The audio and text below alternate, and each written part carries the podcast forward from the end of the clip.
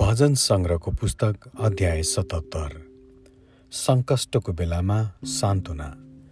सङ्गीत निर्देशकको निम्ति एदुतुनको लागि आसापको भजन। मैले सहायताको निम्ति परमेश्वरमा पुकारा गरेँ।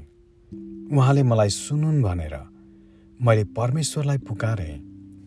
मेरो दुःखको घडीमा मैले परमप्रभुलाई खोजेँ। राति नथाती मेरो हात पसारेँ। अनि मेरो प्राणले सान्त्वना ग्रहण गर्न चाहेन। हे परमेश्वर मैले तपाईँलाई सम्झेँ र अफसोस गरेँ मैले चिन्ता गरेँ र मेरो आत्मा शिथिल भयो। तपाईँले मेरा आँखा लाग्न दिनु भएन। म यति दुखित भएँ कि बोल्न पनि सकिनँ। बितेका दिनहरू धेरै पुराना वर्षहरूको मैले सम्झना गरेँ। राति मैले आफ्ना गीतहरू सम्झेँ।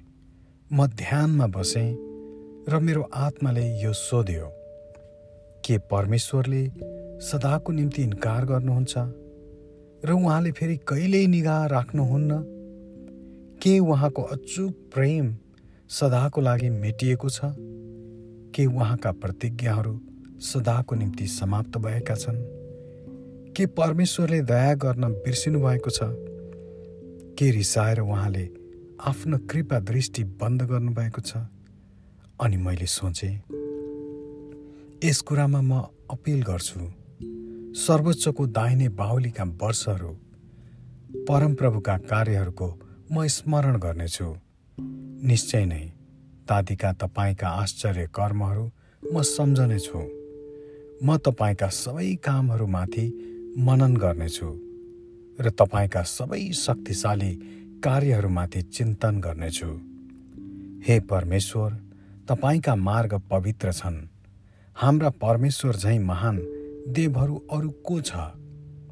तपाईँ आश्चर्य कामहरू गर्ने परमेश्वर हुनुहुन्छ। तपाईँ आफ्नो सामर्थ्य मानिसहरूका बीचमा प्रकट गर्नुहुन्छ।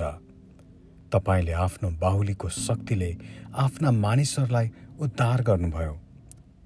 याकुब र योसेफका सन्तानहरूलाई। हे परमेश्वर समुद्रको पानीले तपाईँलाई देखियो। जब पानीले तपाईँलाई देखियो त्यो मडारियो अथाह सागर कम्पायमान भयो। बादलहरूले पानी खन्याए आकाशमा भयङ्कर रूपले गर्जन लाग्यो। तपाईँका बाँडहरू चारैतिर चम्कन लागे। तपाईँको गर्जन आधी बेहरीमा सुनियो। तपाईँको बिजुलीले संसारलाई आलोकित पारिदियो पृथ्वी कम्पित भएर हल्लियो तपाईँको बाटो समुद्र भएर गयो र तपाईँको पथ महासमुद्रको बीचमा थियो। यद्यपि तपाईँका पाइलाहरू देखिएनन् मुसा र हानुनका हातद्वारा तपाईँले आफ्नो प्रजालाई भेडाको एउटा बगाललाई जस्तै डोर्याउनुभयो। आमेन।